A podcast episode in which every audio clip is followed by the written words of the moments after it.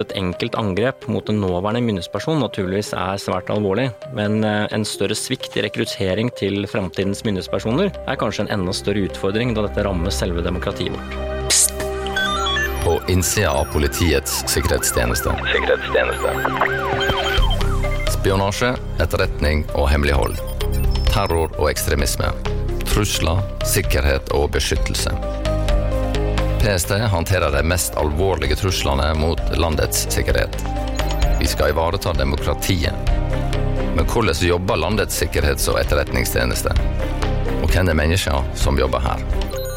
Vi inviterer deg nå med Pst på innsida.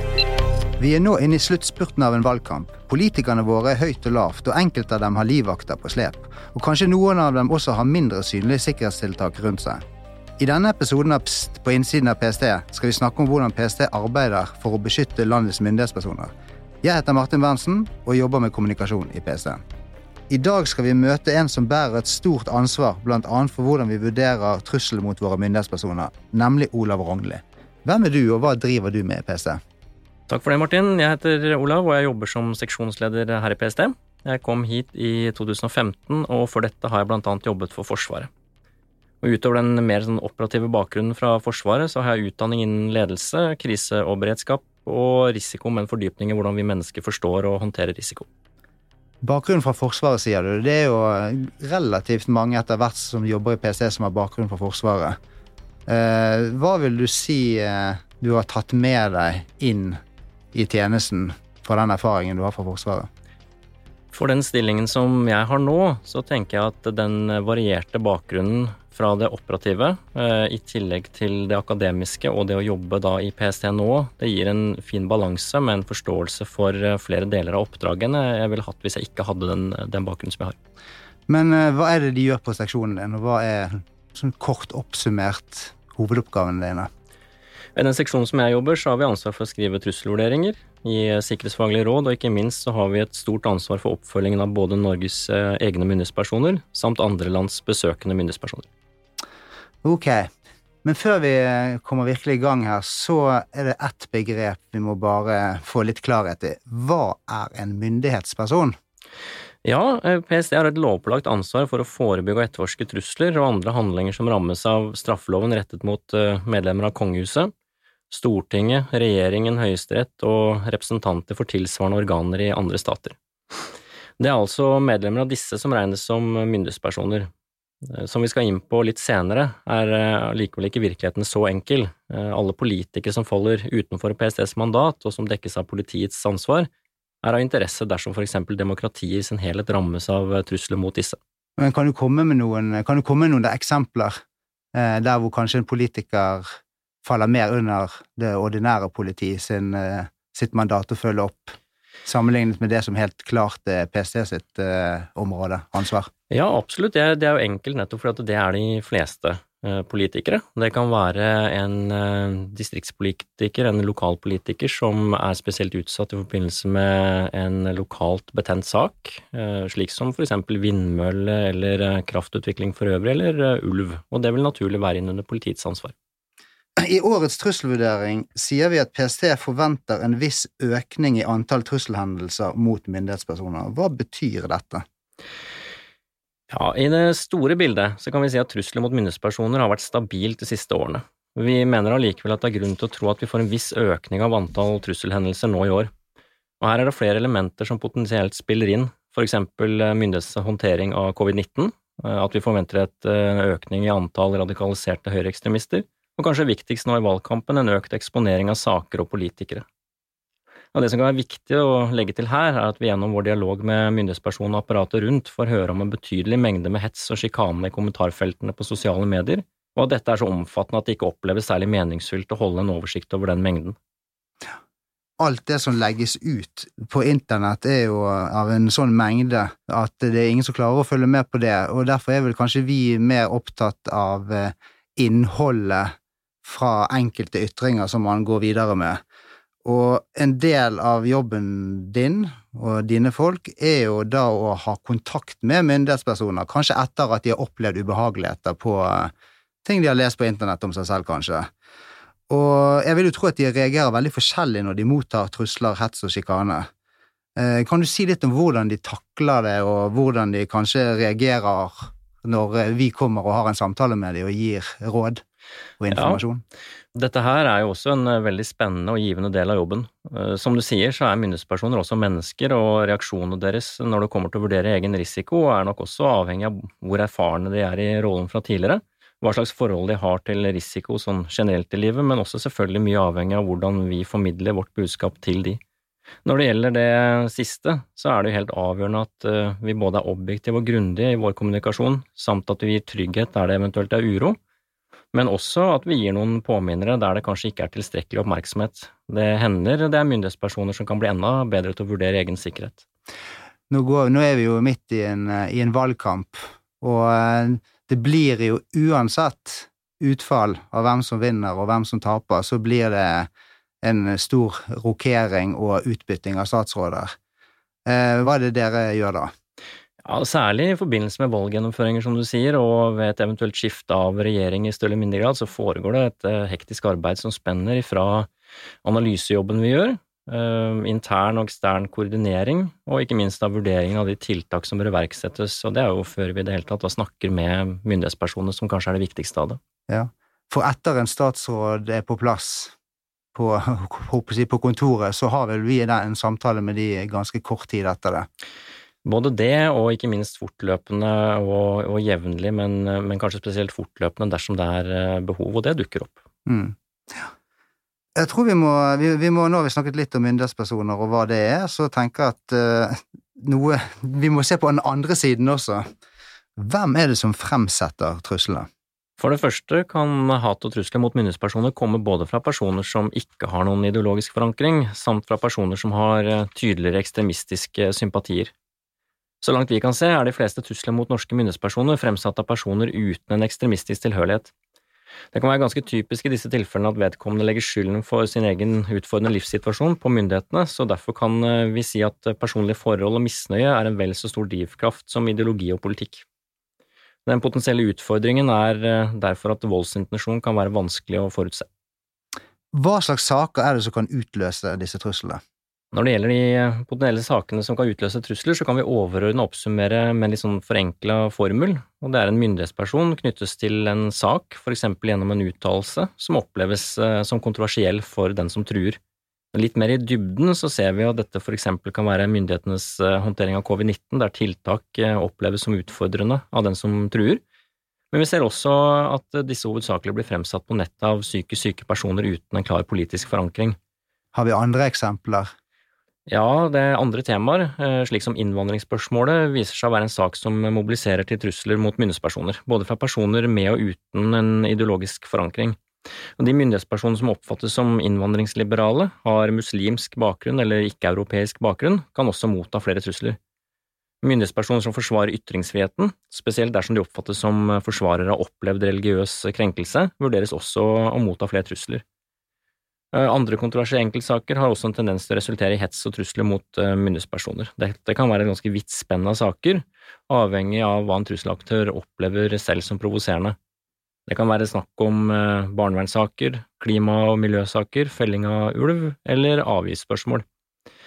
Dette er også saker som gjerne har en lokal geografisk avhengighet, og der politikere utover myndighetspersoner er vel så utsatt for trusler. Vi har av og til fått spørsmål om det om det, det, og det har jo vært en debatt i samfunnet også med tanke på om kvinner og menn. Altså, de mottar kanskje forskjellige former for trusler eh, med forskjellige innhold. Vil du si at det, er en, eh, at det er stor forskjell på for eksempel en mannlig og en kvinnelig myndighetsperson eh, opp mot det oppdraget du er satt til å utføre? Vi ser i hvert fall at um, man i internasjonal forskning fra land vi kan sammenligne oss med, og også til en viss grad eh, det vi ser i Norge, at uh, kvinner, unge kvinnelige politikere, også med minoritetsbakgrunn, særlig i kombinasjon med disse kontroversielle spørsmålene, får mer uh, hets enn en menn gjør. Eh, vi har jo eh, ved flere anledninger sagt at trusselen mot myndighetspersoner og politikere er en trussel mot demokratiet. Eh, det høres jo kanskje litt voldsomt ut, eh, og hvorfor omtaler vi her politikere som vi ikke nødvendigvis har innenfor vårt eh, mandat? Ja, i vår åpne trusselvurdering for 2021 eh, sier vi at mengden av sjikane og personlig uthenging og trusler mot enkeltpersoner, særlig på sosiale medier, kan innebære store negative belastninger for politikere.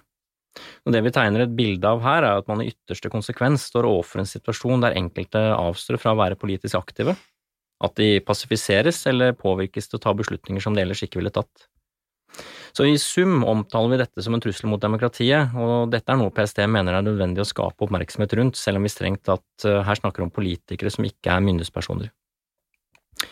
Som en forlengelse av dette kan vi jo si at et enkelt angrep mot en nåværende myndighetsperson naturligvis er svært alvorlig, men eh, en større svikt i rekruttering til fremtidens myndighetspersoner er kanskje en enda større utfordring da dette rammer selve demokratiet vårt.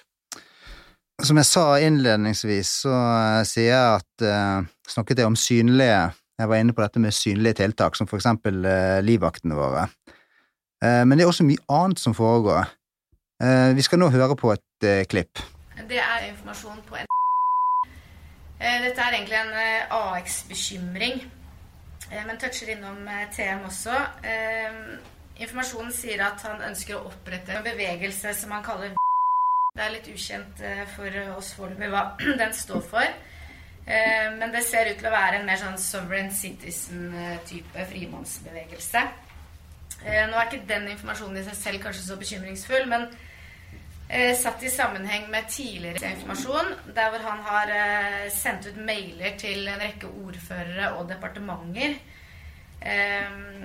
der sendte han med et sånn konspiratorisk brev hvor det fremsto at han også var veldig sånn psykisk ustabil. Eh, og i etterkant av det så ble et våpen inndratt eh, hos ham. Eh, han har også sagt at han ikke anerkjenner politi eller noen i offentlig forvaltning. Hva var det vi hørte her? Ja, som du sier, så er nok det mest kjente, synlige omtalte tiltaket livvakter. Det vi har uh, hørt deler av her, er uh, aktivitet i forkant av en beslutning uh, om hva vi ønsker å gjøre knyttet til beskyttelse av en myndighetsperson. akkurat utdraget her er et møte internt hos oss, der det fremkommer deler av en prosess for å avdekke både trusselaktører, men også hva vi ønsker å gjøre med aktøren selv og med den trusselutsatte myndighetspersonen. Og vi har også mange andre aktuelle tiltak, ikke minst svært mye aktivitet før vi i hele tatt avgjør tiltaket. Og um, det er jo i den delen her av arbeidet vi ikke slipper publikum for nærme, ettersom det handler om informasjon vi ikke deler ellers. I det vi hører her, så, jo, um, så kan man jo også tenke seg at det er mange med forskjellige bakgrunner som, uh, som jobber for å avdekke og undersøke eh, om uh, truslene annet er reelle, og hvordan vi skal forholde oss til det. Så for det er jo ikke bare en ensartet uh, gruppe som sitter og vurderer dette. Nei, det er en, eh, som du sier, det er en eh, godt sammensatt gruppe med forskjellig bakgrunn. Både akademisk, eh, spesielt politibakgrunn og forsvarsbakgrunn. Og det vi trenger å gjøre, er jo å vurdere hva slags posisjon myndighetspersonen har, hvorvidt det foreligger en trussel mot vedkommende, hva slags aktivitet det hele tatt er myndighetspersonen skal gjøre, og hvorvidt vedkommende i det hele tatt er sårbar. Less than 15 minutes ago at the Washington Hilton Hotel when shots were fired at President Reagan. Here you see the president coming out now. You just have to watch. I don't know whether we can hear this or not. There, there. Shots. God. Tunnelgatan vid Sveavägen. Ja. Är det en kille som har blivit skjuten? Ja, de har skjutit en stackare här. Hur går det med här? Kommer han överleva? Nej. Nej. Olof Palme. Vad sa? Palme är det. Olof Palme. Sveriges statsminister Olof Palme är död. Han sköts ikväll i centrala Stockholm. Olof Palme sköts ned i korsningen Tunnelgatan, Sveavägen og han dog senere på Sabbatsbergs sjukhus. Det vi hørte her med Olof Palme og Reigen, er jo et drap og et forsøk på drap. Ja, det første vi hører her, er fra drapsforsøket på president eh, Ronald Reagan 30. mars i 1981. Og etter det så hører vi deler av en sambandslogg fra politiet i Stockholm i forbindelse med drapet på Olof Palme. Hva er det dette vi frykter mest? At en norsk politiker skal bli drept? Først og fremst så er det viktig å påpeke hva jeg sa litt tidligere vedrørende hva slags trussel vi står overfor her i Norge. Eh, her hjemme er det grunnleggende trygt å være myndighetsperson, men samtidig må vi være klar over at denne type hendelser ikke nødvendigvis er lette å fange opp. Jeg skal være ærlig og si at det man på et vis eh, har en følelse av, er å skyve en linje foran seg når man arbeider med beskyttelse av myndighetspersoner. Og den linjen er jo bildet på den hendelsen som er mest alvorlig, og det er jo nettopp et alvorlig eller til og med dødelig angrep eh, på en myndighetsperson. Vi vet jo fra de erfaringer man blant annet har hatt i Sverige, at drap på myndighetspersoner kan prege en nasjon i svært lang tid. Og selv om det er et eh, så alvorlig scenario, er det noe av det vi naturligvis jobber for å unngå, er det også viktig å vektlegge at hets og trusler som aldri innebærer en reell voldsintensjon, også kan påvirke myndighetspersoner i betydelig grad. Kanskje er dette vel så viktig for oss å fokusere på. Og selv om en alvorlig hendelse mot en myndighetsperson kan være svært krevende for nasjonen, er det samtidig enda viktigere å huske på at en annen, og potensielt enda større verdi, er politikernes tilgjengelighet og nærhet til folket. Vi snakker derfor gjerne om at det alltid vil være en restrisiko når vi beskytter myndighetspersoner, og at det aldri er snakk om en absolutt nullvisjon for uønskede handlinger. Vi snakker nok mer om en kunnskapsbasert tilnærming til hva slags restrisiko som står igjen, og at denne må kommuniseres og aksepteres. På motsatt side så kan vi tenke oss konsekvensene det ville hatt dersom vi levde i et samfunn der myndighetspersonene var utilgjengelige for folket som har valgt de, kun basert på hensyn til en potensielt alvorlig hendelse. En slik tilnærming til beskyttelse av myndighetspersoner ville naturligvis hatt en fullstendig uakseptabel konsekvens for demokratiet vårt. Derfor er det helt avgjørende at vi i PST har en meget god forståelse av hvordan vårt samfunnsoppdrag passer inn i en større kontekst. Ja, du sier større kontekst, og vi har snakket om demokrati blant annet. Og man tenker jo også dette man tenker på um, tilgjengeligheten for politikerne. Når man da jobbet rundt 2000 i regjeringskvartalet, så var det ganske åpent og fritt der, og så vet jo alle hva som skjedde ti år senere. Så det vil kanskje Vi kommer vel aldri tilbake til den åpenheten som var den gang. Det vil nok være litt flere skranker nå, sannsynligvis. Men uh, ett begrep vi ikke har snakket om, og som er veldig som vi diskuterer mye, og kan tenke dere diskuterer mye på din seksjon også, det er ytringsfrihet. Eh, ytringsfrihet er jo et tema som nesten umulig å komme utenom når vi diskuterer trusler, sjikane og hat mot myndighetspersoner. Selv om det alltid har vært eh, polariserte diskusjoner i politikken og i samtaler rundt omstridte temaer, så kan det argumenteres for at internett har ført til at terskelen for å fremsette drøye ytringer, og kanskje også trusler, er blitt lettere. Fire år med Trump har jo heller ikke ført til mindre temperatur i kommentarfeltene. Ytringsfriheten i Norge er vid, men ikke ubegrenset. Hva, hva tenker du om det, Ole? tenker jeg skal prøve å gripe meg av å dele litt i to, for det er en sak i seg selv å vurdere hvorvidt en ytring faller innenfor bestemmelsene i straffeloven, og enten det blir en sak for politiet eller for eh, oss i PST så er det vel en større erkjennelse av at mange ytringer ikke blir aktuelle å følge opp innenfor etterforskning og påtale, og PST heller ikke nødvendigvis skal være en pådriver for å innskrenke ytringsfriheten eller være et meningspoliti. Det er jo nettopp derfor det i svært mange tilfeller er den forebyggende aktiviteten rettet mot myndighetspersonen selv som må prioriteres, ettersom det fremstår som mindre aktuelt å rette seg mot den som ytrer. Her er vi tilbake til det tidligere temaet om at det er den totale mengden med hets og sjikane som kan være utfordringen, selv om ytringen enkeltvis ikke nødvendigvis er straffbar.